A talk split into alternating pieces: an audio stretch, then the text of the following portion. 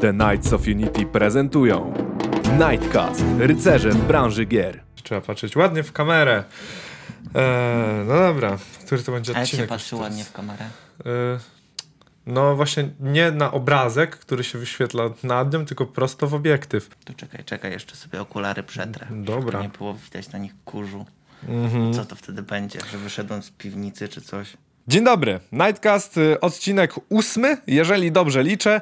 E, moim i waszym gościem jest y, dzisiaj Sir Martin, chociaż y, raczej nie tytułuje się tym pseudonimem, tym przydomkiem rycerskim. Cześć Sir Martinie. I Tak, przyznaj dzień- się, dzień jak to, dobry. jak to jest z tą ksywą. No to jest właśnie tak, że dla oficjalnie dla większości jestem Sir Martin, a dla tych, co mnie lepiej znają, jestem Rix. I powiedzmy, że Sir Martin to takie moje alter ego. A wzięło się ono z... No z tego, że pewnej osobie nie podobało się, że są y, dwie literki R obok siebie, żeby nie było Sir Rix. Cholera, to ja mam przerąbane jako Sir Rudy. No właśnie, jak to się stało, że u ciebie przeszło, nie? No cóż, u mnie się nie skompilowało po prostu. No, trudno, no jakby zdarza się. No to opowiadaj, kim jesteś i co tutaj robisz? Kim jestem i co tutaj robię? Generalnie chyba lepiej jak powiem, czego nie robię, bo mianowicie ogólnie w Nightsach to zajmowałem się praktycznie wszystkim poza artem. E, mówiąc art mam na myśli też, chociaż w sumie z dźwięków nawet coś mi się zdarzyło zrobić na PGA. Także no, w sumie tylko artu nie robiłem. E, A aktualnie ogólnie, no to głównie skupiam się na, e, w tej, w tej chwili przynajmniej na strategii firmy, inwestycjach, e, projektach, ale też ciągle jeszcze od czasu do czasu gdzieś tam pomagam na froncie programistom. No bo sam w sumie powiedzmy, że z, z doświadczenia jestem programistą, bo nie wiem, czy można powiedzieć, że z wykształcenia. No właśnie, z wykształcenia nie jesteś programistą? Właśnie zależy, jak rozumiesz wykształcenie, bo wiesz, to ludzie z reguły rozumieją przez to u- Powiedzmy uczelnię sobie na uczelnię wyższą właśnie, co, co kończyłeś? Wiesz co, y, nie kończyłem. Y, O. Tak, doszedłem do drugiego roku na PWR, wziąłem urlop dziekański, zacząłem pracować jako programista i już nie wróciłem. No i to jest jedna z tych lepszych decyzji, które można podjąć. I Ja, ja przynajmniej tak uważam, że jakby studia y, to, to jedno, ale Czy wiesz co, z jednej strony y, niektórzy do tego podchodzili, ja też się nad tym gru- grubo zastanawiałem, że szkoda mi dwóch lat, nie? Ale z drugiej strony odpowiedziałem sobie na to tak, że szkoda mi kolejnego półtora roku, nie? No, Bo słusznie. po prostu jako programista no, nauczyłem się, wiesz, w kilka miesięcy więcej niż myślę przez te dwa lata na studiach, więc...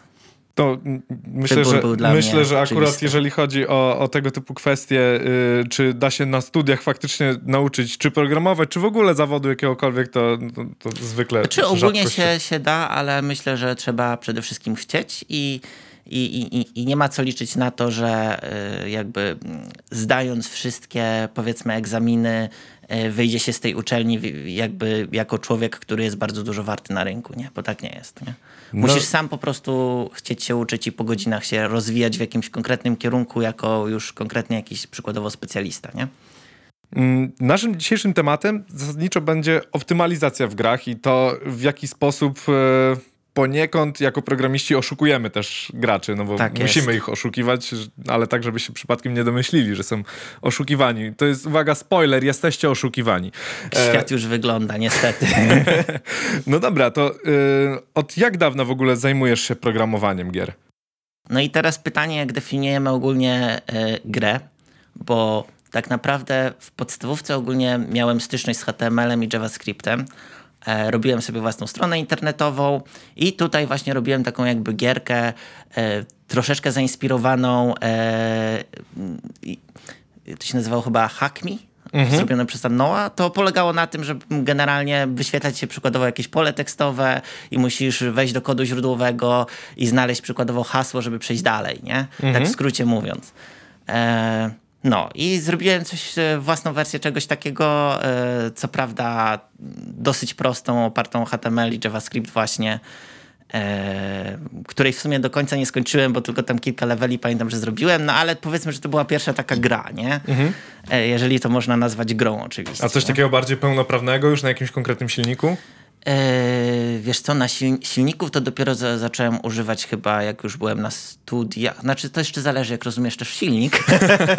Okej, okay, jest Bo dużo sumie- zależności. Tak, bo w sumie pierwszych, bo jeżeli bierzemy pod uwagę jakieś e, biblioteki e, zewnętrzne, to używałem z tego co pamiętam Allegro w C++, jak chyba byłem w liceum. E, Okej. Tak, że, ale pierwszą grę w sumie wydaje mi się taką normalną w miarę, e, co prawda obsługiwaną z konsoli, tak na wzór takich starszych gierek, to napisałem w gimnazjum i miałem ogólnie kilka tych gierek, one pamiętam, że wtedy chyba w Pascalu pisałem i generalnie bardzo mi szkoda, ale niestety y, te projekty poszły razem z moim starym dyskiem. Niestety informatycy się dzielą na tych, co robią backupy i na tych, co będą je robić. Ty wtedy się nauczyłeś robić Tak, backupy. ja, ja wtedy byłem tym, co dopiero będzie robić backupy. No i tak. Oj, znam temat. Dużo danych fajnych mi niestety uciekło w ten sposób. No szkoda mi tych gierek, no ale cóż. Ale no, jakby to jest, to jest właśnie to, że wydaje mi się, że to starsze dyski twarde miały ten problem, te nowsze jakoś chyba sobie lepiej radzą. Tak, A może po prostu się nie tłucze tak często w komputer, żeby go w ogóle nie wiem, odwiesić. sumie- Nie wiem. Okładałeś komputer pięściami, jak się zawieszał? Nie, Przyznaj nie, się. nie, co ty. Przyznaj się. No weź. Nie, naprawdę nie. O. Nie, ja szanowałem swój komputer, bo wiesz, generalnie nie miałem kasy na drugi, więc, No, no tak, to więc e, wtedy się sprzęt szanuje. jasne. E, no dobra, to, to tak jeszcze krótko rozgrzewkowo. Ulubiona gra i dlaczego właśnie ta? Tak, i e, jakby się tak zastanowić, to wydaje mi się, że powiedziałbym, że Heroesy trójka. E, mianowicie dlatego, że w sumie do dzisiaj od czasu do czasu sobie jeszcze zagram. E, przede wszystkim wydaje mi się, że dlatego, że jak tam e, jest generator map losowych, to każda rozgrywka właśnie jest inna dzięki temu i to jest troszeczkę to, co też lubię ogólnie w rogalikach na przykład, że właśnie każda rozgrywka jest inna, trzeba się dostosować jakby do, do, do, do warunków i jakby y, możesz grać pod konkretną strategię, w rogalikach też z reguły, ale jakby nie zawsze wszystko idzie dokładnie tak samo. Nie jest szeroki horyzont zdarzeń i to jest, to jest myślę, że świetne. No i przede wszystkim można grać e, z innymi ludźmi też, nie? Jasne. E, no dobrze, przejdźmy sobie do naszego głównego tematu, czyli właśnie do optymalizacji. Co to w ogóle jest optymalizacja? Tak. Y, ogólnie bym powiedział, że optymalizacja to coś, co, co właśnie gracze, gracze chcą, żeby było zrobione i coś, co y, spędza powie, sens powiek deweloperom. E, Enigmatycznie tak, dosyć. troszeczkę enigmatycznie może, ale generalnie ym, tak na poważnie to, to chodzi o to, żeby algorytmy, które się wykonują w kodzie działały szybciej i tutaj, żeby przykładowo mniej zasobów zużywała dana gra. Generalnie efekt końcowy jest taki, że użytkownik widzi przede wszystkim stałą liczbę klatek, czyli FPS-ów, e, na, czyli klatek na sekundę, no. jak i widzi też e, przede wszystkim dużą ilość tych klatek. Nie?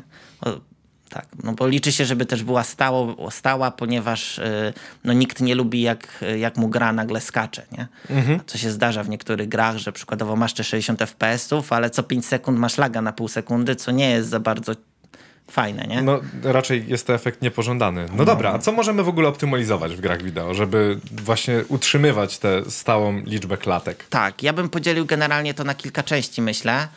E, podzieliłbym to przede wszystkim na optymalizację pod y, konkretne podzespoły, czyli pod RAM, pod procesor i pod kartę graficzną, bo to są takie, takie nasze trzy główne. Można jeszcze mówić o połączeniu internetowym czy, czy, czy, czy dysku, ale to są już jakieś takie powiedzmy rzeczy, które dużo rzadziej występują, chociaż wciąż występują no, w grach online. Optymalizacja połączenia no, to jest dosyć istotne czasem. Em, No ale przy dzisiejszych chodzi mi światłowodach, to po prostu nie, nie ma takiego dużego impaktu, co jak kiedyś, wiesz, miałeś e, download, upload kilka kilobajtów na sekundę, No to, to było spore ograniczenie.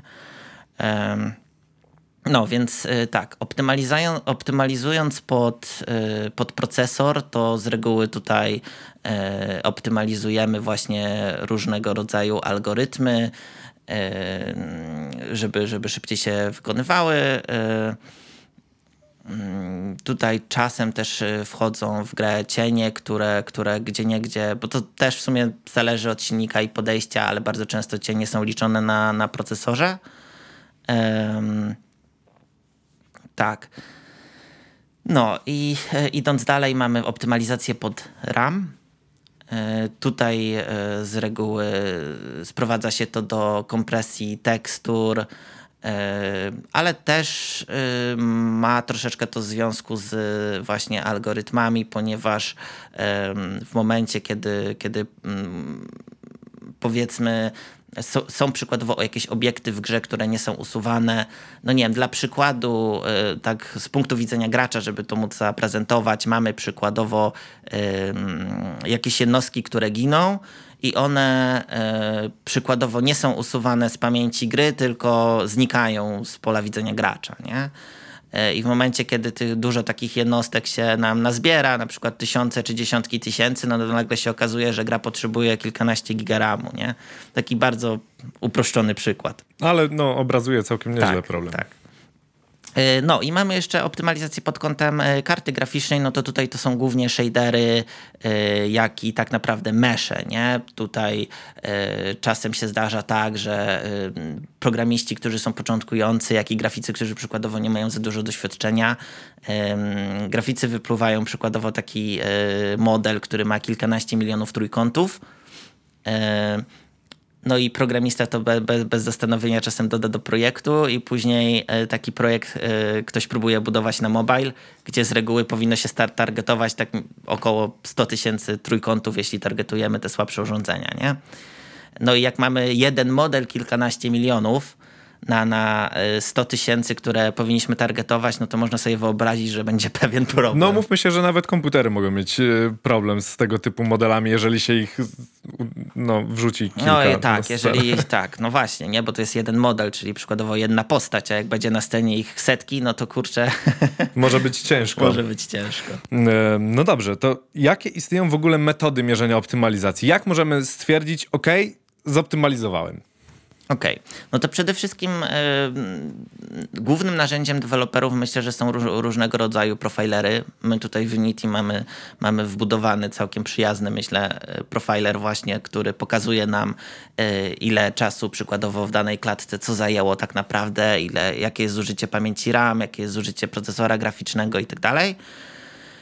E, a że tak powiem, od strony bardziej usera mamy, czyli już końcowy build, jak testujemy, mamy, mamy przede wszystkim FPS-y, nie? że widzimy ile mamy klatek, czy, czy, czy gra nam nie skacze przykładowo i to przede wszystkim użyje się, używa się do mierzenia.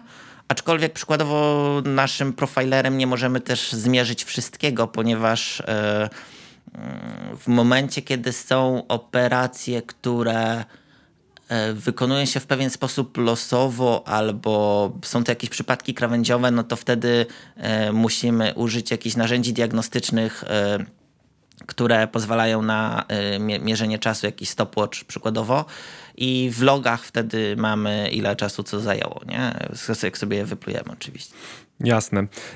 a to powiedz mi w takim razie, czy mm, jakby optymalizując interesuje cię bardziej właśnie ilość klatek, czy faktycznie czas wykonania pojedynczej klatki? Bo to są trochę, trochę nie do końca te same rzeczy. To znaczy się, e, zakładamy sytuację, w której mamy e, grę, która działa w powiedzmy 30 FPS-ach, jakoś mhm. tak w miarę stabilnie. E, no i e, czy tutaj podniesienie o 5 FPS-ów zrobi y, różnicę, a y, sytuacja, w której mamy grę, która działa w 15 FPS-ach i tutaj te 5 FPS-ów, nie? Jakby, czy, no tak, czy FPS zawsze jest... y, mówią to samo? Znaczy tak, im mniej jest klatek, no to wiadomo, że więcej nam, więcej nam się zmienia. No jak mamy jedną klatkę na sekundę, a mamy dwie, no to mamy o 100% więcej, nie? Więc y, tak, y, im więcej generalnie jest klatek, tym mniejszy ma to impact.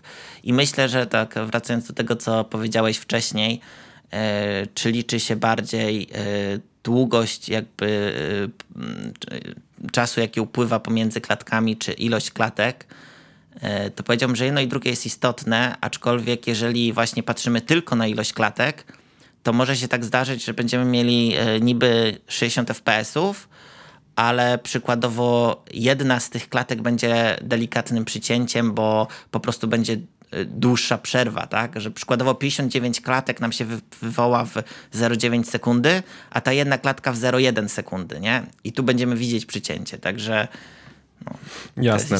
No dobra, to czy optymalizacja w ogóle zawsze jest potrzebna? Czy zawsze musimy mieć te 60 FPS-ów? E, czy, czy czasami interesuje nas to, żeby ta gra faktycznie wyglądała, jakby działała gorzej.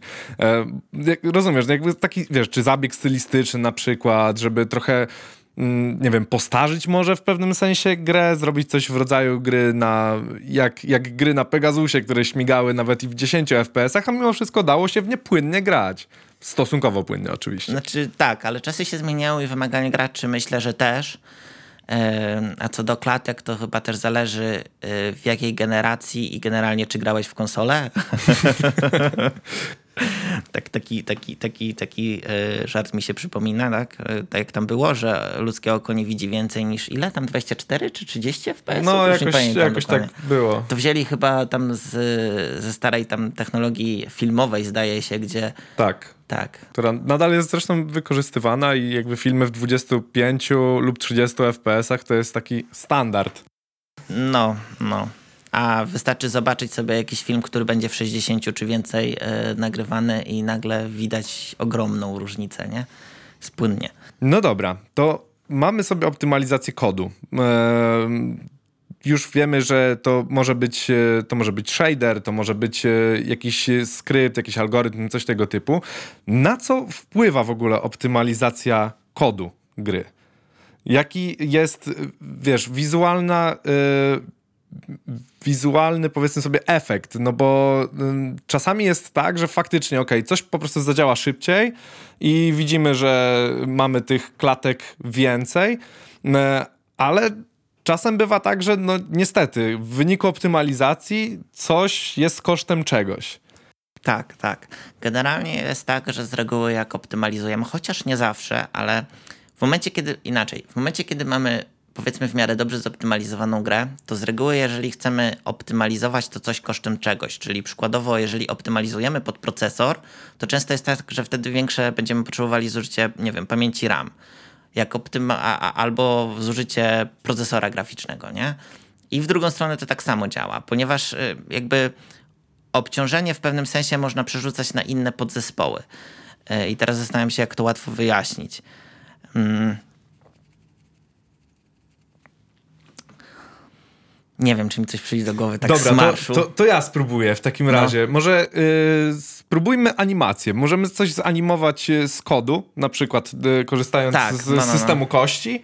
Yy, ale powiedzmy są to kości na zwykłych sprite'ach, tak? A możemy też sobie wypalić te animacje i używać prostego animatora, odtwarzając po prostu kolejne klatki tej animacji. Czy jak, jakie tutaj będzie... Nie wiem, na ile to jest dobre y, porównanie chyba. Bardziej, o, wiem, co mogę e, podać jako przykład. E, mamy, załóżmy, jakieś obliczenia, które chcemy wykonać na procesorze w postaci, nie wiem, jakiegoś e, algorytmu mm, symulującego właśnie ruch jakimś obiektem, czy wyliczenia jakieś fizyczne, to możemy teoretycznie za, za, pomocą takiego compute shadera wyliczyć to na karcie graficznej, nie? I wtedy odciążamy procesor, a obciążamy kartę graficzną. To jest taki, no, myślę, że jeden z przykładów.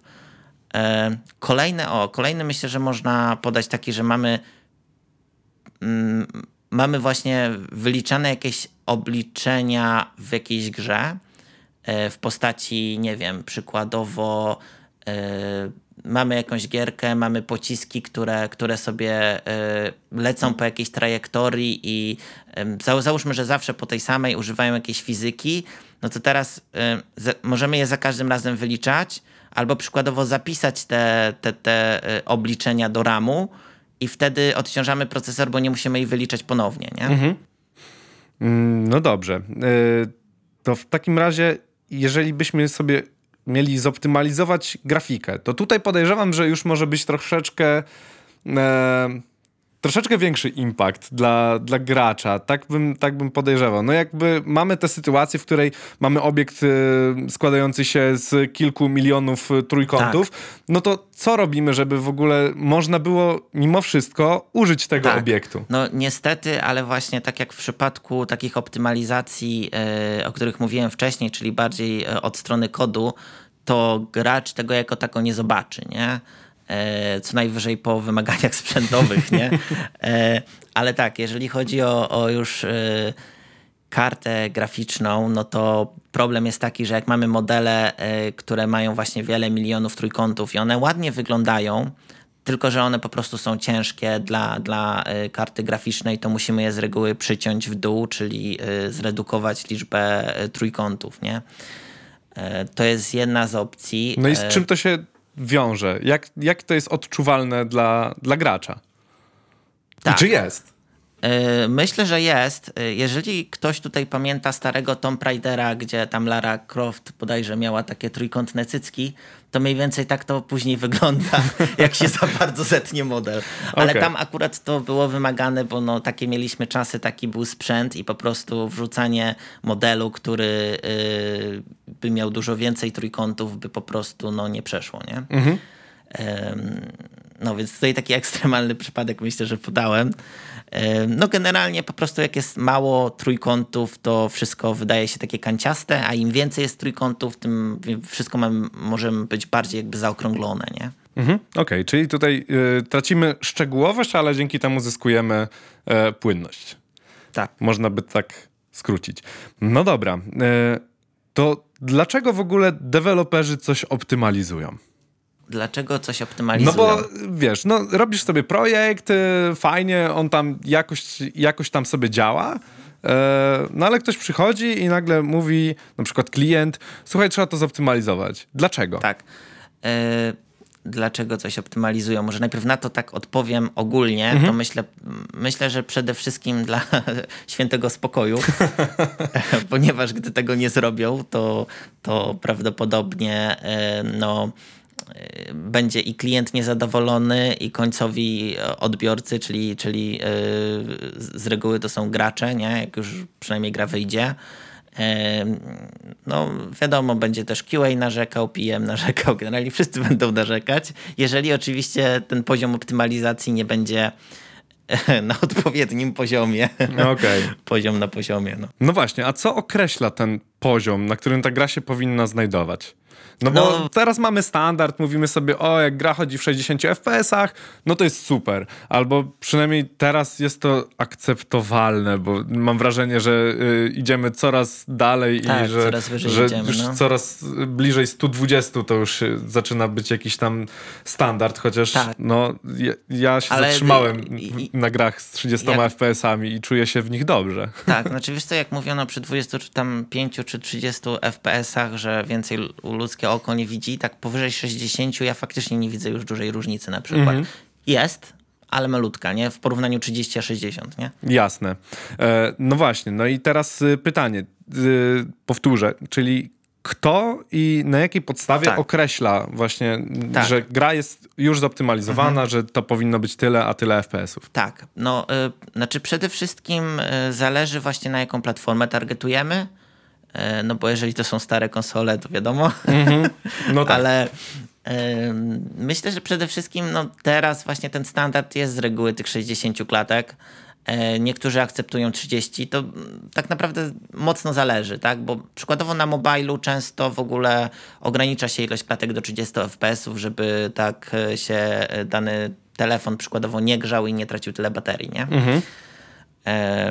tak, więc często jest takie ograniczenie tutaj ciężko, ciężko mi w praktyce podać jakiś konkret, bo mówię, to jest płynne, nie? Przede wszystkim ważne jest to, żeby ta ilość klatek była właśnie te minimum 30 czy 60 fps-ów, plus żeby była, y, żeby te klatki były stałe, tak jak mówiłem wcześniej, nie? żeby nie mhm. było skoków. Okej. Okay. No to teraz jest pytanie, czy istnieją w ogóle jakieś alternatywne metody optymalizacji? Bo co, co mam tutaj na myśli? Nie, nie taką optymalizację sensu stricte, ale właśnie jakieś takie sztuczki, które maskują niedociągnięcia. I to też możemy potraktować, ok, wizualnie wygląda to lepiej, ale wcale pod spodem nie musi działać lepiej. Tak, e, znaczy jeżeli chodzi o takie triki, to myślę, że przede wszystkim to jest chowanie po prostu e, pewnych e, obiektów przed graczem, nie? Czyli to może być nawet w pewnym sensie optymalizacja w locie, czyli bazując na tym, nie wiem, ile mamy FPS-ów, to tyle graczowi możemy pokazać, nie wiem, partikli chociażby, nie? Mhm. Możemy też przykładowo w niższej jakby rozdzielczości tekstury wrzucać, E, co bardzo często się w sumie teraz robi w grach, żeby, żeby właśnie chodziły płynniej, czyli Myślę, że dobrym takim przykładem, który, który gracze chyba znają, i nie mówię, że tam było to dobrze zrobione, aczkolwiek w Cyberpunku e, e, gracze myślę, że wielu doświadczyło coś takiego na, na konsolach, że nie wiem czy na PC to też występowało, że podbiegają szybko gdzieś, zmieniają lokacje i mają takie tekstury strasznie rozmyte, nie? w niskiej mm -hmm. jakości i one po czasie się doczy doczytywały na do lepszej. Na to się zdarzało, ale tylko przy jakichś takich bardzo niskich ustawieniach graficznych. Przy mm -hmm. wysokich, przy, przy graniu na e, RTX-ie typu 3090, no to nie było takich sytuacji. No mi się nie zdarzyło w każdym okay. razie. No tak, no ale jak masz właśnie, e, podejrzewam, że, że że słabszy sprzęt, to oni tutaj postawili na płynność, podejrzewam, klatek, żeby gra właśnie się nie zwieszała.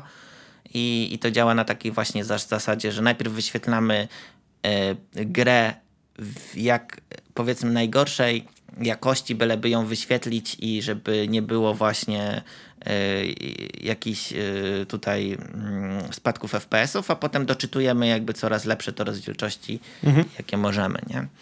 Jasne. E, no dobra, to przechodzimy sobie do takiego bardzo, wydaje mi się, interesującego, ciekawego tematu ze, z, z punktu widzenia gracza, bo to już są takie rzeczy, których. No, o których gracze rzadko wiedzą, bo my się już dobrze staramy, żeby mhm. oni o tym nie wiedzieli. Czyli jak deweloperzy oszukują graczy. Tak. No, to jest, to jest właśnie e, bardzo ciekawy temat. E, generalnie tutaj mi się taki przypomina dowcip, że jak nie patrzysz na księżyc, to go nie ma. I mniej więcej w grach to tak wygląda. jak czegoś nie widzisz, to w pewnym sensie w świecie gry to nie istnieje. E, sprowadza się to, to, to, do tego, że, że tak naprawdę po prostu modele jakby nie są renderowane, no bo po co? Tych jakby modele, których nie widzisz, no nie ma sensu, żeby były renderowane, nie? Mhm.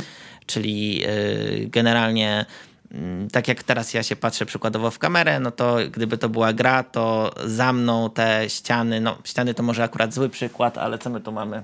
Panele akustyczne. No, te panele przykładowo nie musiały być w ogóle renderowane, bo, yy, bo nie ma takiej potrzeby, tak? Bo ja tego nie widzę jako gracz. Mhm. Yy, no. No dobra, yy, no to właśnie. Ale to w sumie nie koniec, jak mogę jeszcze. No dawaj, dawaj, yy, jasne. Bo, bo z takich ciekawych, ciekawszych myślę dużo rzeczy jest yy, symulacja gry ogólnie, mhm. która działa bardzo często w taki sposób, że to, co widzimy, symuluje się dokładnie, a czym dalej jest coś od gracza, tym, tym powiedzmy coraz mniej dokładnie i polega to na jakichś przybliżeniach. Mianowicie wyobraźmy sobie jakąś grę, e, jakiś otwarty RPG załóżmy, mamy jakieś różne wioski, mamy, nie wiem, napady na te wioski, gracz może zaobserwować, nie wiem, walkę w wiosce załóżmy. Jak sobie gracz jest w, w wiosce, to widzi jak, nie wiem, bandyci się biją ze strażnikami, i załóżmy, że w tym samym momencie w innej wiosce jest walka, ale tam już wcale nie jest tak, że bandyci się biją z, ze strażnikami, jest to wszystko, nie wiem, oparte o fizykę przykładowo, tylko jest to skrócone tak naprawdę, że mamy jakieś wartości, yy, nie wiem, siły, yy, jakby bandytów i strażników i y, po prostu jest to obliczane jakby na skróty, nie? Że taki w pewnym sensie taki y, skrócony autobattle, nie? Że mhm. po prostu podaje ci wynik, nie? I gracz pójdzie do tamtej lokalizacji i on może i nawet zobaczyć jakieś trupy, które będą leżały na, na ziemi, Ale to wcale nie oznacza, że tam była ta walka, nie? Tylko po prostu. To trochę było właśnie to- tak jak y, mówiłeś o Hirosach y, 3, tam można sobie było w ogóle y, wyłączyć patrzenie na walkę. Ona się mogła odbić całkowicie automatycznie, Tak. otrzymywałeś tylko wynik. Tak. y, I nie jestem pewien, jak to tam dokładnie rozegrali. Możliwe, że to było właśnie w oparciu o, y, o jakąś taką siłę tych jednostek i wyliczanie, a nie symulowanie całej walki, nie? Bardzo możliwe, że tak tam to było, ale tutaj głowy nie No to się działo zasadniczo bardzo szybko, a gra wcale nie jest y, najnowszą produkcją, Znaczy, umówmy się, więc no, Tak, jest duża ale- szansa, hmm. że taka symulacja no też trochę musi zająć, szczególnie Znaczy, kiedy co, takich jednostek jest nie dużo. ma tak dużo obliczeń tak naprawdę, jeśli chodzi o samą walkę, bo tam poruszasz się po stosunkowo małej mapie. Mhm. Nie pamiętam, to było 8 na kilkanaście kratek, jakoś No heksów. coś, tak- coś takiego. E, no i, i w sumie e, każda jednostka z reguły ma tylko kilka możliwości, bo chyba tam ruch, atak, y, poczekaj albo obrona. W sensie chodzi mi o to, że nie masz aż tylu y, rzeczy do zasymulowania i powiem ci, że wydaje mi się, że dałoby się to zrobić przynajmniej na dzisiejszym sprzęcie. Na pewno tak wiesz, w, pół sekundy czy krócej taką symulację. No dobra, czyli zasadniczo jak gracz nie patrzy, to się nie dzieje, albo dzieje się, ale w bardzo dużym, dużym przybliżeniu. Tak, znaczy nie wszystkie gry to, to stosują, ale, ale gry przede wszystkim, które są mocno rozbudowane, to bardzo często lecą na takich e, przy, przy, przybliżeniach. Myślę, że taka e, o, ciekawa symulacja jak Rimworld na przykład, nie? No ja, ja, ja podejrzewam, że, bo w kod źródłowy nie patrzyłem, ale podejrzewam, że tam tak samo jest, że mamy niby te różne te osady poza jakby naszą, e, mamy te mm, różne nacje, i gracz może sobie uwierzyć w to, że te nacje faktycznie mają też swoją bazę, bo może odwiedzić, może zaatakować te inne nacje i widzi wtedy tą bazę, nie? I może sobie uwierzyć, że jakby komp też powiedzmy steruje tymi, e, z tymi ludkami i wiesz, buduje tą bazę, produkuje żywność, bo jest nawet też tam trading. Ale to tak naprawdę wszystko jest, wiesz, e, sztuczne, nie? Tak naprawdę to nie jest tak, że to się symuluje cały czas, nie? Tylko tam po prostu cyferki się zmieniają w tle, nie? No dobra. E, powiedziałeś też o tym, że właśnie y, jak nie patrzysz w tym momencie na panele akustyczne, które są za nami, no to, no to ich faktycznie nie ma. To ma jakąś konkretną nazwę y, w, w grach? Tak, to się nazywa kamera cooling, czy raczej, e, czy, czy też e, bardziej rozwinięcie occlusion cooling. I generalnie właśnie polega to na tym, że tak jak nazwa wskazuje, kamera cooling, czyli to, co widzi kamera, to się powie, powiedzmy renderuje, a to, czego nie widzi, to się nie renderuje, nie? I mamy jeszcze occlusion cooling, to, pole, to już jest bardziej troszeczkę zaawansowane. Polega to na tym, że em, nie tylko powiedzmy przestrzeń, którą widzi kamera się renderuje, ale to bierze pod uwagę też e, przeszkody, nie? Czyli e, nie wiem, jaki tu przykład podać. Załóżmy ale... sobie, że mamy y, dom i za tym domem mamy huśtawkę, ale faktycznie jej nie widzimy. To, ona będzie nawet- renderowana nawet, czy nie? No właśnie, patrzymy w stronę huś, huśtawki i przez to, że mamy dom po drodze, no to ta huśtawka już się nie musi renderować, nie? Okej. Aczkolwiek gdyby ta huśtawka przykładowo kawałek już wystawała z tego domu, to powinna się renderować, nie? Mhm. I strzelam, że cała, a nie jakiś fragment, jeżeli jest jako Tak, jeden model. Tak, tak, tak. No tak. E, no dobra. E, jest też tak, i to często można sobie zobaczyć e, na, na jakichś tam e, filmach właśnie e, dotyczących symulowanych światów i tak dalej, że i to też w sumie mówiliśmy przy okazji Cyberpunka, że pewne obiekty, jeżeli jesteśmy od nich dalej, no to one są właśnie renderowane w gorszej jakości. Tak. Na czym to polega i czym to Tak. w ogóle jest? Tak, tu teraz mówisz o, o tak zwanych lodach, level of detail. Mhm. E, No, polega to na tym, że mamy właśnie dane obiekty w kilku powiedzmy rozdzielczościach, czyli rozdzielczościach w, w kontekście jakby e, trójkątów. Mhm. E, I ma, możemy mieć obiekt, y, który ma tych trójkątów, nie wiem, 100 tysięcy. On jest potem zeskalowany do takiego, który ma jeszcze 10 tysięcy i 1000 załóżmy, nie? Mhm. Jak jesteś blisko tego obiektu, to widzisz go właśnie jako te 100 tysięcy. Jak jest da- on jest dalej, to 10 tysięcy. Jak jeszcze dalej, to 1000. Generalnie polega to na tym, że no, czym dalej coś jest, tym, e, tym coś jest mniejsze. A im coś jest mniejsze, tym mniej trójkątów jest potrzebnych, żeby to ładnie wyglądało. Nie? I tak, samo się, to, tak samo się to sprowadza do tekstur.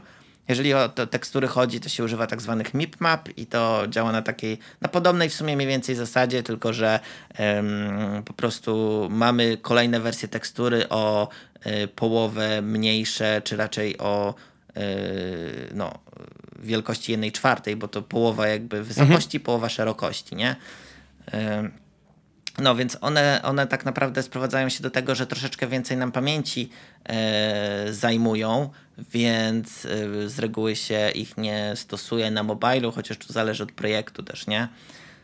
No, no dobra, a jakiś taki e, może sztandarowy przykład e, sztuczki z obiektami 3D, bo powiedzmy sobie szczerze, mamy grę typu Skyrim powiedzmy, I to jest gra, która już aktualnie ma ile? Z 10 lat mniej więcej. To była gra, która chodziła płynnie na PS3, na Xboxie 360.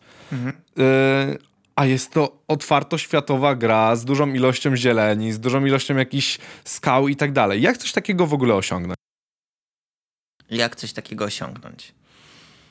No tutaj dlatego no, przy, takim, przy takiej grze trzeba zastosować na pewno bardzo dużo różnych technik optymalizacyjnych. Mhm.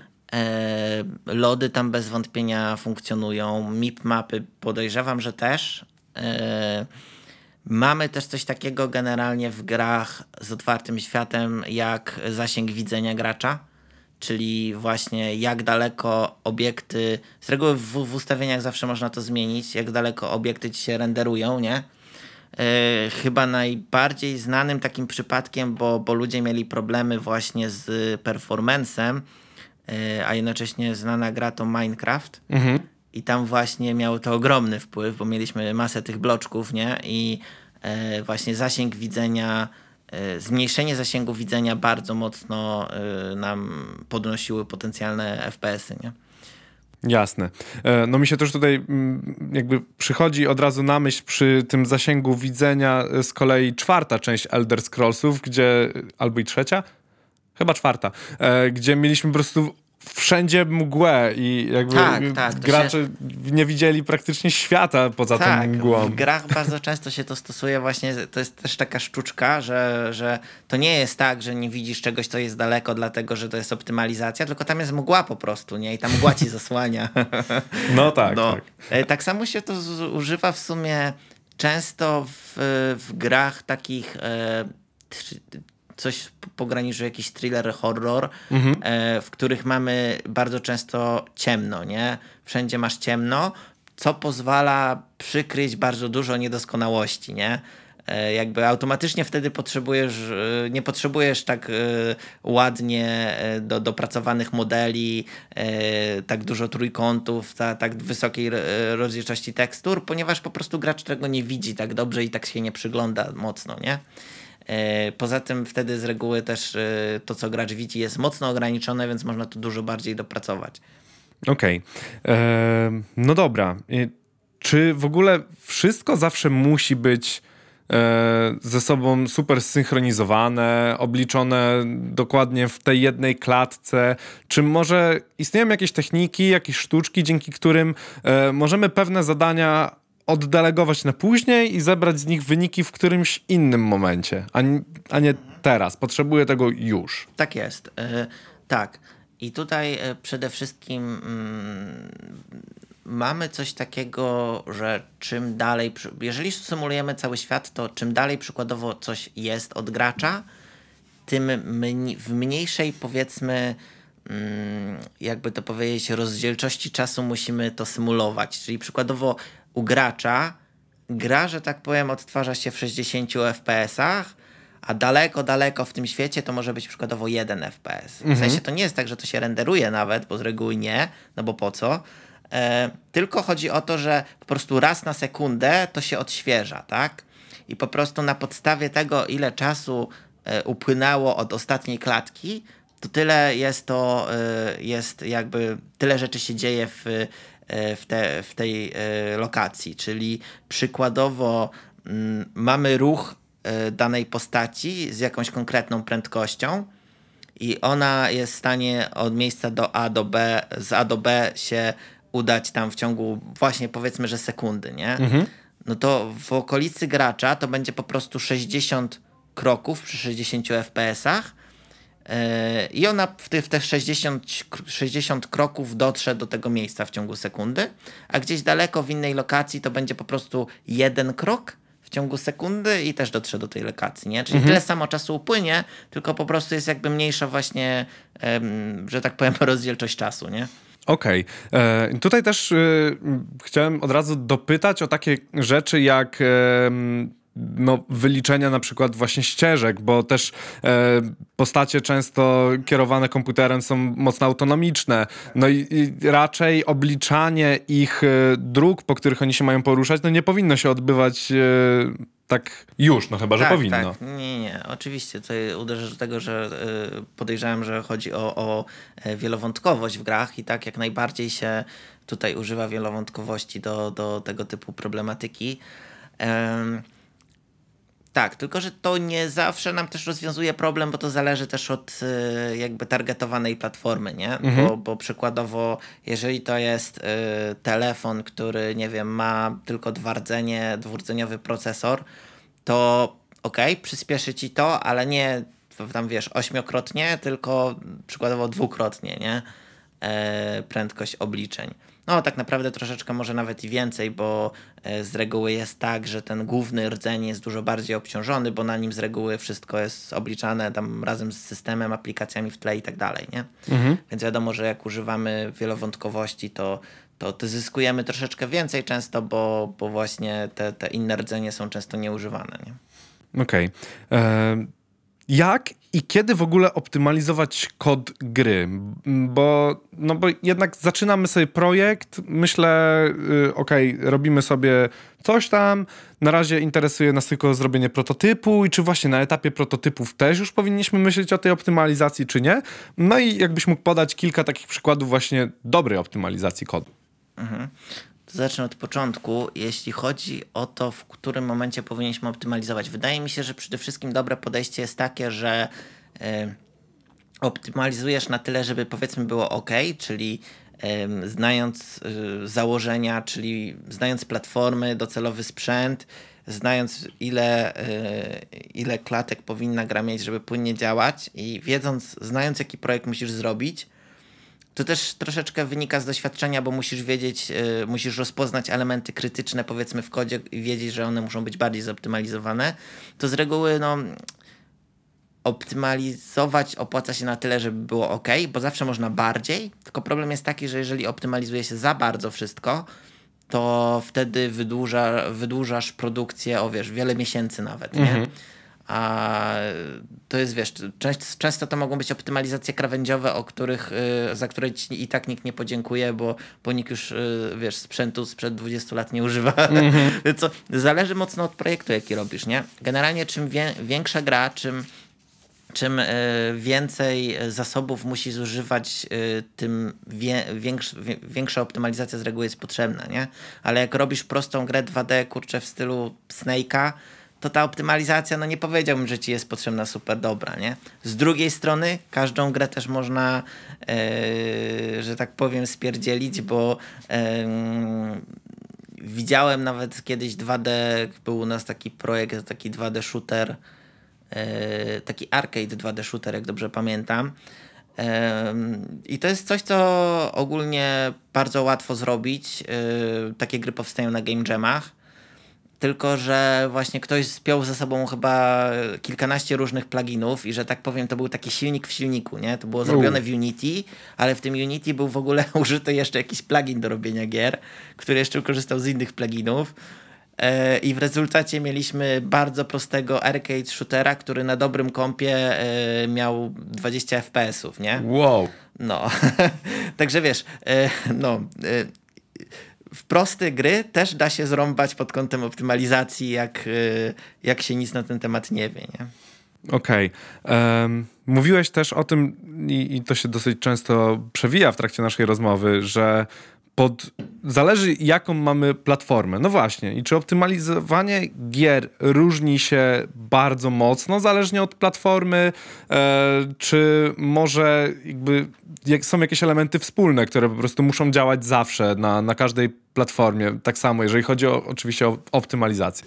My coś chyba pominęliśmy, nie? Bo coś, coś jeszcze mnie pytałeś wcześniej. A, czy teraz? tak, kilka przykładów dobrej optymalizacji. A. Popatrz, no, do, dobrze, że mówisz. No, Widzisz, to tak, tak właśnie coś mi nie pasowało. Mamy, mamy notatki i y, czasami się nie spojrzy dobrze. Wybaczcie. Y, za, kilka za przykładów dobrej mówię. optymalizacji. Poproszę. E, tak, wiesz co, y, wydaje mi się, że łatwiej mi będzie podać chyba kontrprzykłady, bym powiedział. Mhm. E, bo tymi dobrymi przykładami optymalizacji to jest na takiej zasadzie, że to wiesz, e, jak masz dobry komputer, to, to, to z reguły ciężko ci jest zobaczyć to, nie? Mhm.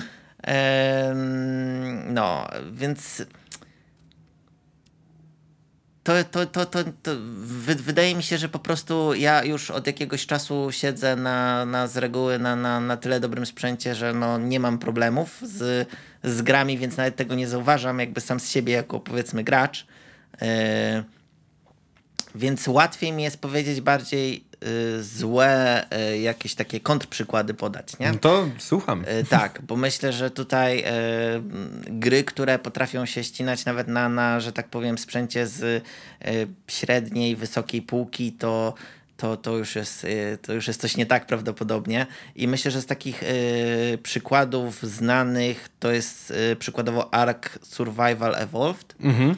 Y, mamy też PUBG i, i mamy też No Man's Sky które każdy z tych tytułów potrafił na, na całkiem dobrym sprzęcie y, osiągać no, nie, nie najlepsze wyniki. Nie? No i z reguły to podejrzewam, że sprowadza się do tego, że programiści, którzy po prostu pracują nad takimi tytułami, no nie za bardzo yy, niekoniecznie mieli wystarczająco doświadczenia, żeby, żeby pewne rzeczy zrobić dobrze.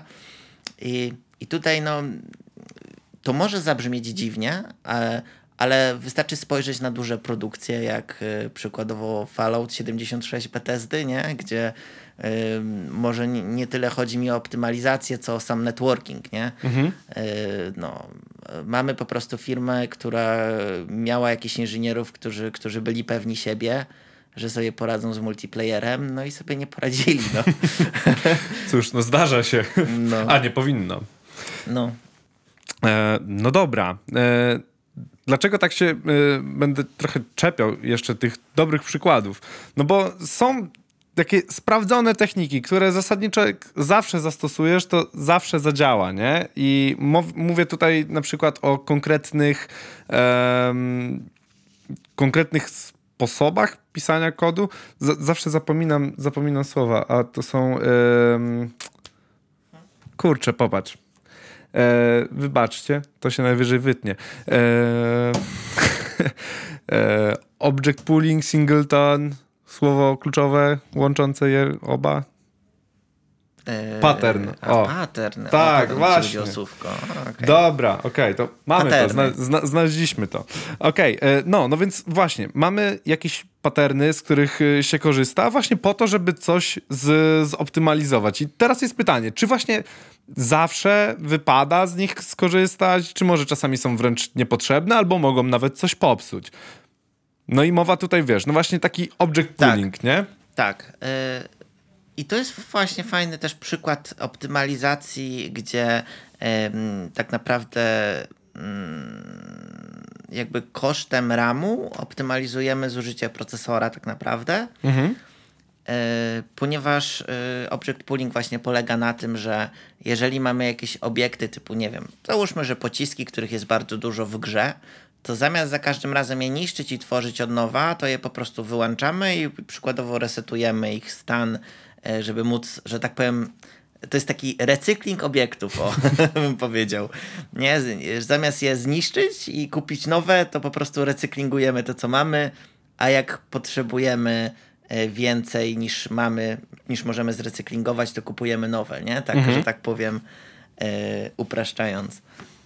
Okej, okay, no i właśnie pytanie, czy to zawsze zadziała? Czy to zawsze jest konieczne? Czy może są sytuacje, w których yy, no, może się nie spotkałeś, albo może się właśnie spotkałeś? Sytuacją, gdzie yy, został zastosowany object pooling, a nie powinien być, lub też w ogóle nie było konieczności, żeby go stosować? Czy masz gdzieś w głowie jakiś taki przykład, gdzie to Wiesz nie co? było dobrze wykorzystane? Nie, szczerze mówiąc, z reguły to były miejsca, gdzie po prostu powinien być, jego nie było. Eee Aczkolwiek potrafię sobie wyobrazić sytuację, gdzie byłby on źle wykorzystany, mianowicie e, przykładowo z reguły w object poolingach mamy jeszcze coś takiego jak pulę inicjalizacyjną, czyli tworzymy jakby ileś tam obiektów przed jeszcze e, rozpoczęciem się rozgrywki w trakcie jakby wczytywania się, nie? Żeby nie robić tego w trakcie właśnie, żeby FPS-y nie ucierpiały, bo się procesor zmuli. Mhm. No i przykładowo, nie wiem, gra wykorzystuje tylko tak naprawdę edge case'owo, nie wiem, 100 obiektów, a ktoś zainicjalizuje ich, nie wiem, 100 tysięcy, nie? Mhm. To raz, że czas wczytywania będzie dłuższy, a dwa, że zużyje masę niepotrzebnie y, dodatkowej pamięci, nie? Więc jakby ta pula inicjalizacyjna to jest też coś, co trzeba umieć ustawić. Okej. Okay. Um, no dobra. To teraz możemy przejść do tego, co już e, zacząłem, ale mnie cofnąłeś, słusznie zresztą. Tak Czyli mamy różne platformy, e, każda się czymś tam innym charakteryzuje. No i teraz jest pytanie, czy optymalizowanie gier na przykład pod PC-ta będzie się różniło e, czymś, tak od strony technicznej, od optymalizacji na przykład pod PlayStation czy pod e, Switcha. Mhm. Znaczy myślę, że największe różnice tak naprawdę są między między takim PC-tem czy konsolą a mobilem. Nie? Mhm. na mobilu generalnie jest największa różnica, ponieważ e, sprzęty takie przenośne, właśnie e, smartfony, one z reguły mają mocno ograniczoną moc w porównaniu do, do reszty sprzętu konsol czy PC-ów. Mm, przede wszystkim mamy tam mocno ograniczoną pamięć RAM, bo czego nawet użytkownicy bardzo często nie wiedzą, to jak mają smartfon, z, który ma 4 giga RAMu, to my jako deweloperzy możemy użyć max połowę tego, czyli 2 giga, nie? Co nie występuje przykładowo na, na, na PC, tak? Jak na PC masz 32 giga, to nie ma żadnego problemu, żeby aplikacja za, zażarła ci 26, nie? No jakby na PC było, było takie ograniczenie na twardo, yy, że, że system ogranicza cię, że 16 giga możesz zużyć, no to co z pozostałymi 16? Drugą grę odpalisz, nie? No tak. Można by było. Dlaczego, można, dlaczego nie? Wiesz, wtedy no nie, nie możesz użyć w, w, pełni tego sprzętu, nie? Mhm. No ale od strony technicznej yy, załóżmy sobie mamy jakiś problem do rozwiązania na ogólnie gdzieś tam się dzieje sytuacja, że jakaś, jakieś AI pochłania dosyć sporo czasu na przeliczenie sobie mhm. wszystkich jakichś tam swoich, e, swoich rzeczy. No i pytanie, czy będziesz tak samo optymalizował na, na PC, na którym powiedzmy sobie gra śmiga w 45 FPS-ach, ale interesuje cię 60? Jasne. E, I czy to samo się będzie działo właśnie na, na mobilce? Tak, no znaczy no powiedziałbym, że ogólnie większość optymalizacji jest taka sama na platformy, ale to zależy jeszcze, co optymalizujemy. Znaczy inaczej, większość jeśli chodzi o kod, powiedzmy, nie? Mhm. E, bo jeżeli optymalizujemy już inne aspekty, to to już troszkę inaczej wygląda, bo przykładowo mobile czy konsole nawet ma, używają różnych formatów kompresji tekstur. E, różne mamy po prostu ograniczenia. O coś jeszcze pytałeś, bo kurczę. Tak... Nie, no tylko, tylko, tylko tyle, czy właśnie jest jakaś e, różnica A, e, między platformami. Tak, różnica jeszcze właśnie między platformami tak ogólnie, tak? Mhm.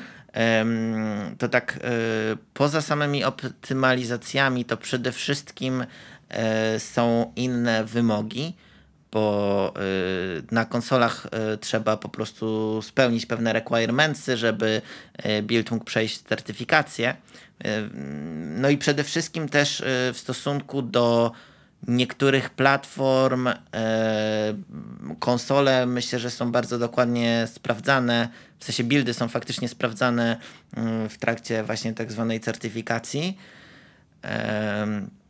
Więc w momencie, kiedy masz grę, która, nie wiem, będzie ci się crashować e, po, nie wiem, minucie gra, gry czy dwóch, to na konsolach z reguły to ci nie przejdzie, a na, y, na nie wiem, jakimś Google Playu, no podejrzewam, że mógłbyś wrzucić taką aplikację i by przeszło, nie? Jasne. E, no właśnie, czy e, urządzenia mobilne w tej sytuacji są jakoś specjalnie traktowane, jeżeli chodzi ogólnie o sam proces optymalizacji i też certyfikacji w sumie, bo to też jest dosyć istotne? E, no jeśli tak, no to w jaki sposób te urządzenia mobilne są specjalnie traktowane? Znaczy, no, tak jak mówię, tutaj y, mobile przede wszystkim, największym chyba ograniczeniem mobila jest pamięć RAM, z tym zazwyczaj jest problem. E, I przede wszystkim fakt, że masz bardzo dużo różnych urządzeń, nie? Mhm. Bo e, tak jak wiesz, tych konsol masz kilka, tak e, smartfonów masz, wiesz, tysiące różnych modeli, nie? I najgorsze jest jeszcze to, że każdy ma, wiesz, inny procesor, inny RAM i inną kartę graficzną.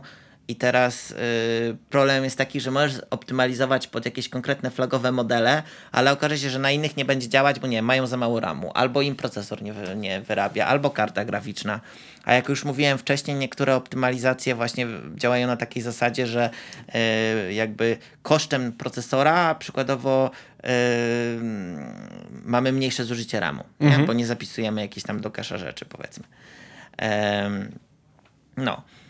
I w, w momencie, kiedy właśnie optymalizujemy w ten sposób, to procesor słabszy e, na jakimś urządzeniu teraz sobie poradzi na przykładowo z grą, bo y, odciążyliśmy go, ale teraz nam się wywali gra na innym urządzeniu, które będzie miało za mało ramu, bo obciążyliśmy ram za bardzo, nie? Mhm.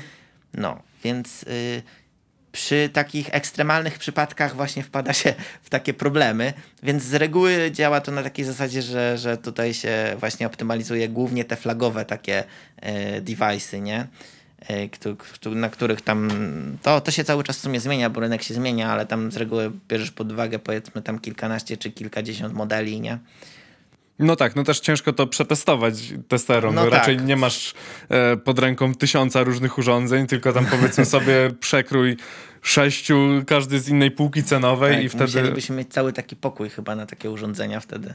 To trzeba to przemyśleć. Ale może lepiej nie, może nie pchajmy się aż tak w mobilki. ja, mam, ja, ja, mam takie, wiesz, PTSD po mobilkach trochę. Właśnie przez tego typu historie, że um, Ale działa, na, na działa świetnie, a potem... Na konsolach no. nie jest dużo lepiej, bo tutaj development też mamy straszny, ale z innych względów. Oho. bo, bo mamy tak, bo mamy przede wszystkim no, masę takich y, niepotrzebnych powiedzmy kroków i biurokracji i, i, i, i przede wszystkim problemem konsol, główny problem wszystkich chyba konsol jest taki, że są zamknięte. Mhm. Wiesz, raz, że musisz mieć devkity, dwa, że y, nie możesz za dużo powiedzieć nawet, y, wiesz, na jakichś forach na ten temat, bo, bo łamiesz NDA. Mhm. Więc że za, za bardzo w szczegóły też nie mogę wchodzić. Y, ale to jest ogromny problem, ponieważ no, wyobraź sobie, że, że nie wiem, dewelopując na Windowsa musisz mieć specjalny PC kit, nie? DevKit, PC, mhm. PC DevKit. I nie wiem, i przykładowo w ogóle masz umowę z Microsoftem, żeby dewelopować na Windowsa. I jeszcze nie wolno ci na żadnym forum poza oficjalnym forum Microsofta rozmawiać w ogóle na tematy związane właśnie z developmentem gier na, no tak, to jest. Na Windows, nie? Jest, no wyobraź sobie, duży... jakby to wyglądało. A tak wygląda właśnie rynek konsol, nie? I dlatego właśnie produkcja, e, produkcja gier na konsole jest y, dużo, dużo droższa od produkcji na PC-ty. Między innymi dlatego, nie? To jest jeden z powodów. Bo mm, ja, ja nie rozumiem do dzisiaj w sumie czemu oni to robią. Znaczy podejrzewam, że to wynika z tego, że po prostu tymi dużymi korporacjami zarządzają ludzie po prostu starszej daty, którzy, którzy nie ogarniają za dobrze i chyba wiesz, taki wyścig zbrojeń sobie robią, co w ogóle się nie opłaca, bo każdą z tych korporacji przecież stać na reverse engineering y, każdego takiego produktu y, i podejrzewam, że nawet mają zrobiony pewnie jak konkurencja działa, więc jaki to ma sens, nie? Bo to tylko tak naprawdę sprowadza się do tego, że utrudnia robotę deweloperom, E, co, co przekłada się na to, że po prostu du, du, dużo, dużo dłużej zajmuje development, ponieważ jak trafisz na jakiś specyficzny problem, to jest duża szansa, że nie znajdziesz go na forum i wiesz, musisz się sam z tym męczyć albo pisać na forum, czekać, liczyć, że to ktoś ci odpowie i tak dalej. Wiesz, nie, nie znajdziesz go na staku, nie? Czy coś. E, nie znajdziesz go na żadnym innym forum.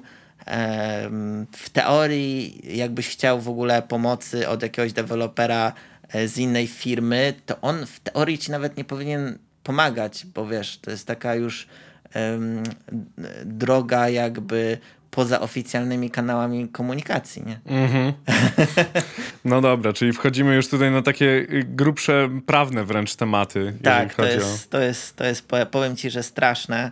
E, jak konsole by się otworzyły, to ja strzelam, że raz, żeby mieli dużo więcej tytułów, Dwa, że ta produkcja byłaby tańsza, więc i użytkownicy by pewnie zyskali, bo mieliby potencjalnie tańsze gry na te konsole, nie?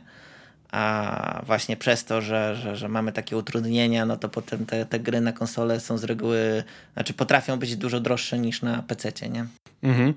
E, no dobra, mam zapisany taki magiczny punkt, y, który nazywa się Gry nie biorą pod uwagę czasu klatki.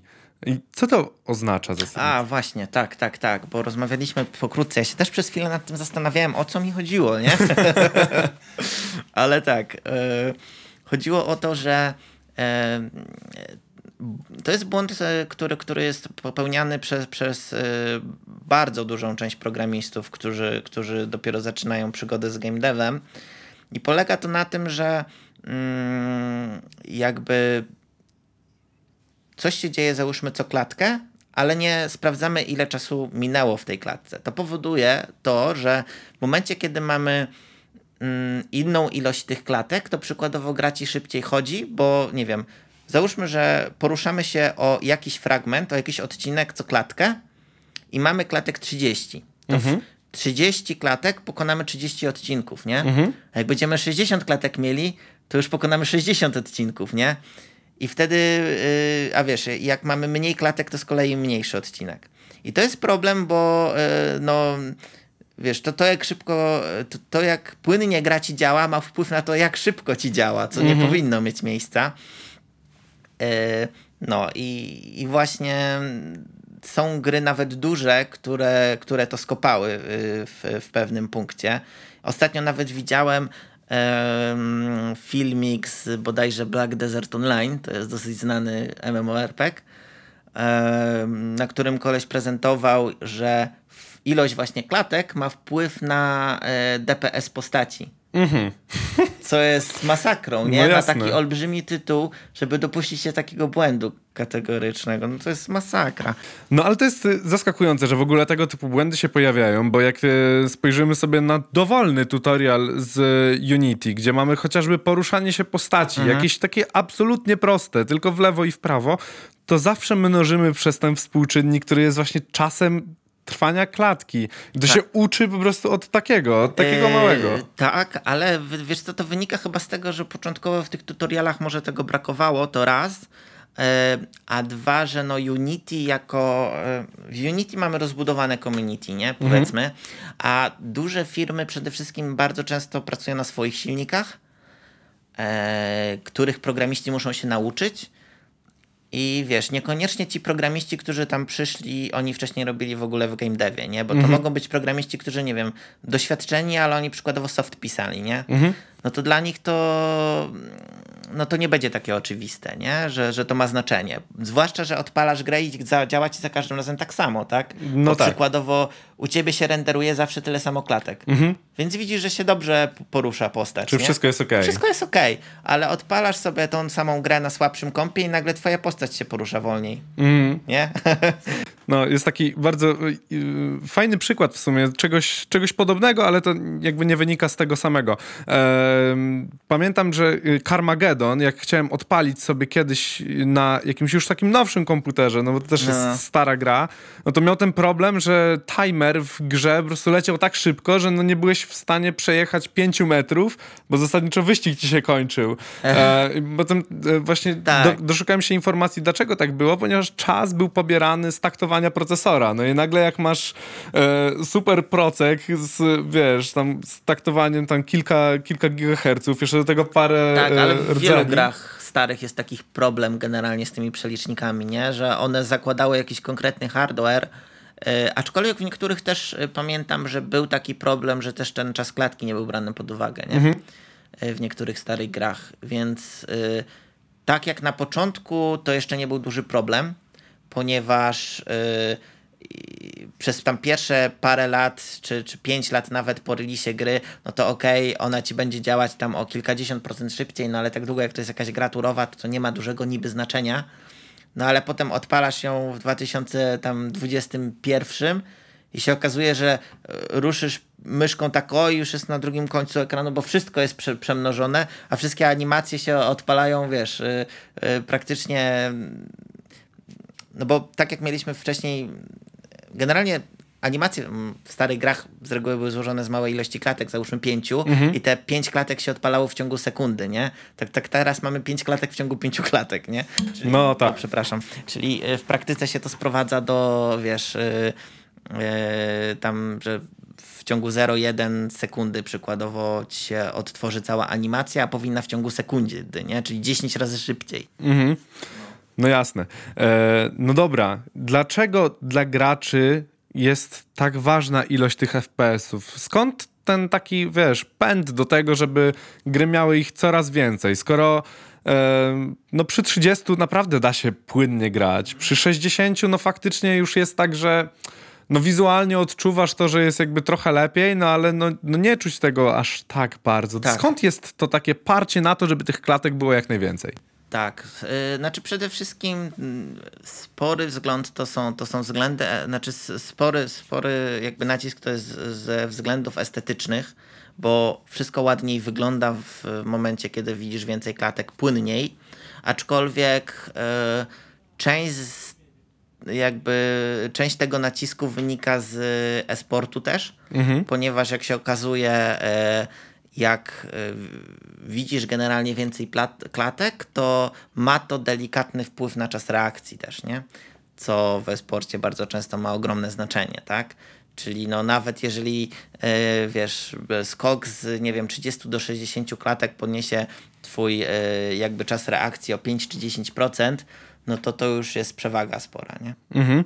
No dobra, i czy cokolwiek, tak jakbyś miał powiedzieć, no bo to już tak mówisz, że, że nie za bardzo widać te powyżej 60 FPS-ów, ale e, czy jest faktycznie to zauważalne, nie jest, może to też wynika z, z tego, z jakiego sprzętu korzystamy, z jakiego monitora, e, no bo jednak też monitory mają jakieś czasy odświeżania, e, częstotliwości odświeżania, e, no i mówmy się, że no, jeżeli gra będzie śmigała w powiedzmy w 120 FPS-ach, no to przy monitorze, który się odświeża z częstotliwością e, tam 60 Hz, no to, no to pytanie, widzimy to, nie widzimy, jak to w końcu jest? Wiesz co, jeżeli mamy faktycznie monitor, który mamy 60 Hz, a gra ma 120 klatek, to nie będzie aż tak dużej różnicy, aczkolwiek minimalna wciąż będzie. Mhm. Ponieważ jakby mamy więcej próbek w czasie, yy, yy, jakby yy, jakby to przedstawić. Przy 120 klatkach w praktyce mamy 120 próbek w ciągu sekundy, jak wyglądał stan gry, powiedzmy, nie? Mhm. I teraz wyciągamy z nich tylko 60. No to plus tego, że mamy więcej próbek, jest taki, że mm, próbka. E, e, Im więcej jest próbek, tym, tym możemy wyciągnąć próbkę, która będzie bliżej jakby tego odświeżenia się y, czasu monitora, mhm. nie? Wyświetlacza. Dzięki czemu widzimy bardziej lepsze odwzorowanie powiedzmy tego, co się naprawdę w grze dzieje. Okej, okay.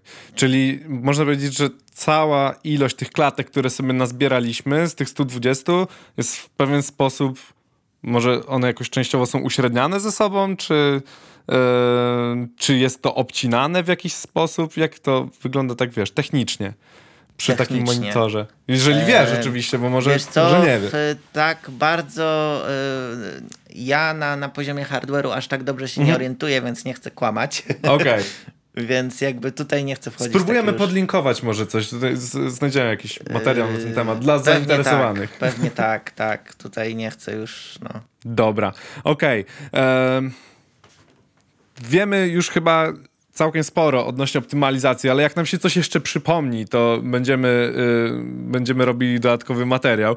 E, na koniec, może masz jakieś rady dla deweloperów, a w szczególności dla początkujących, czy to optymalizacyjne, czy ogólnie rady dla programistów? Ogólnie którzy... rady dla programistów. Mhm. Znaczy ja myślę, że przede wszystkim e, jeżeli ktoś e, przynajmniej chce w game devie się obracać, to bardzo dobrze jest brać udział w game jamach, ponieważ e, możemy w ten sposób poznać ludzi, nauczyć się pewnych rzeczy, jak i przede wszystkim dostać jakiś feedback na temat swojej pracy i zobaczyć po prostu, nauczyć się jakby też współpracować z innymi programistami, e, jak i ogólnie zespołem. Także to, to jest na pewno e, e, istotna rzecz, której niestety wielu deweloperów no, nie robi, a myślę, że to naprawdę robi sporą różnicę.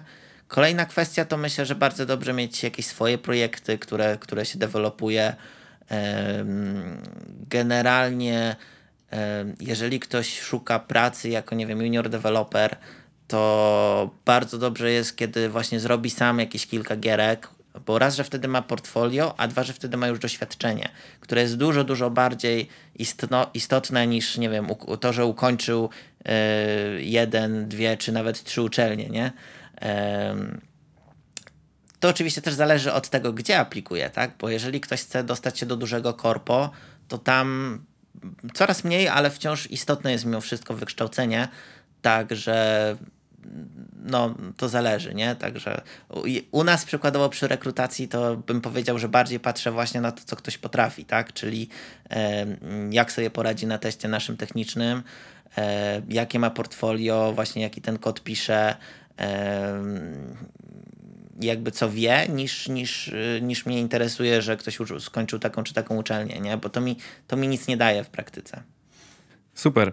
No dobrze. Ja Ci w takim razie bardzo dziękuję za dzisiejszą rozmowę. E, moim i Waszym gościem był e, Sir Martin, aczkolwiek wszyscy i tak nazywamy go tutaj Rixem i tak też, e, tak też ze sobą dzisiaj rozmawialiśmy.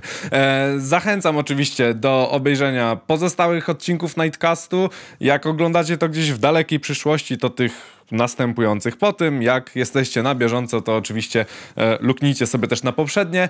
E, jeżeli macie jakieś propozycje e, tematów, chcecie o coś dopytać, czegoś się dowiedzieć, oczywiście śmiało komentujcie, piszcie, my wam będziemy odpowiadać w miarę możliwości, a być może nawet nagramy film specjalnie dla was. E, dzięki raz Nie jeszcze. żebramy osoby? Nie? Chcesz? Możesz pożebrać. Nie, nie. No dawaj. Po... Nie, tylko żebraj. tak spytam z ciekawości. A, no to dobra, to nie żebramy. Oficjalnie nie żebramy osoby, ale możecie zostawić suba. Dobra, trzymajcie się, na razie. No, na razie.